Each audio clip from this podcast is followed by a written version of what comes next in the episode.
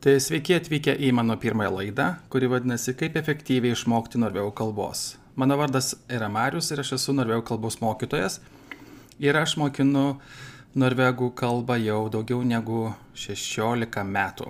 Taip kad šios laidos metu aš bandysiu arba pasistengsiu pasidalinti savo patirtimi, kaip greičiausiai, taisyklingiausiai yra išmokti norvegų kalbos.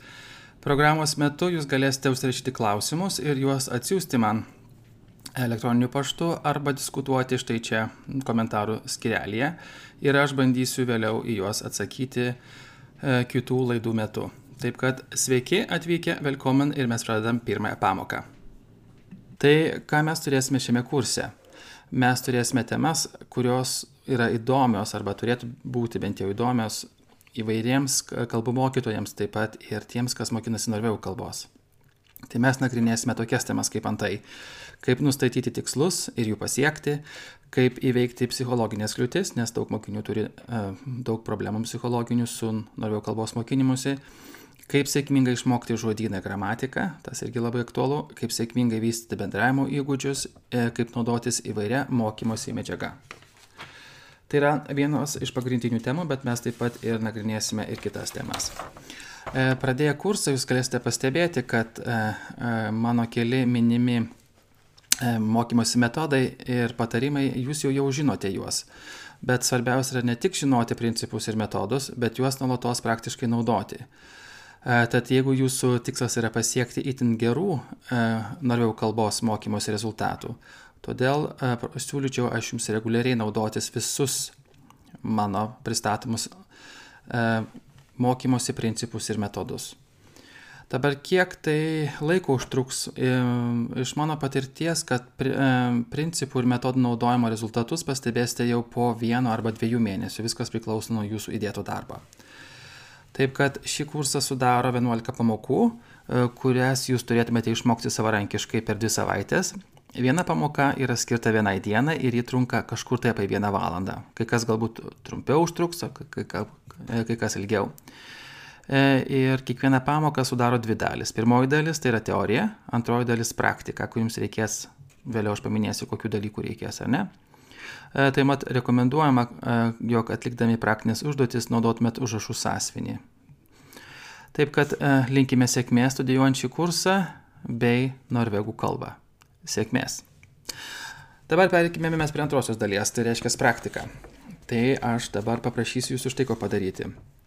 Dabar aš esu pateikęs jums tam tikras užduotis ir aš norėčiau, kad jūs pasiimtumėt A4 arba A5 formato kažkur tai 45-90 lapų užrašų sąsvinį.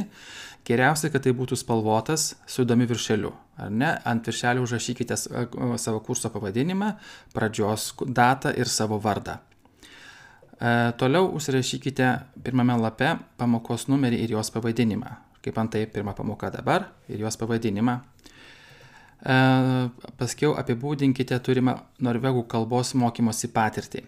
Jeigu jūs ką tik pradėjote, tai, tai galbūt jūs neturite per didelės patirties, tai užrašykite anglų kalbos mokymosi patirtį arba rusų kalbos mokymosi patirtį. Tada aprašykite tiek teigiamus, tiek neigiamus prisiminimus. Pasistengkite rasti kuo daugiau teigiamų prisiminimų ir apibūdinkite savo pasiekimus, net jeigu ir galvojate, kad jie yra visiškai neįdomus arba nereikšmingi.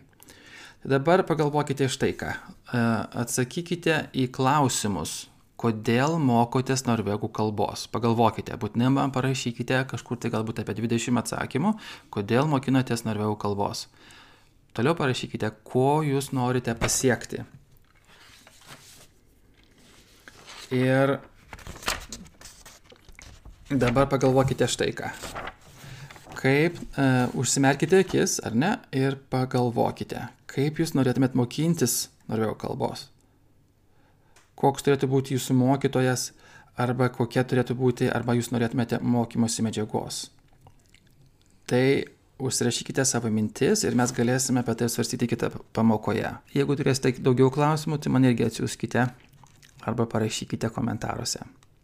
Tai iki kitos pamokos. Ir taipogi aš prašyčiau, kad jūs nepamirštumėte pamėgti mano podcast'o tam, kad galėtumėt gauti naujas pamokas arba naujas temas.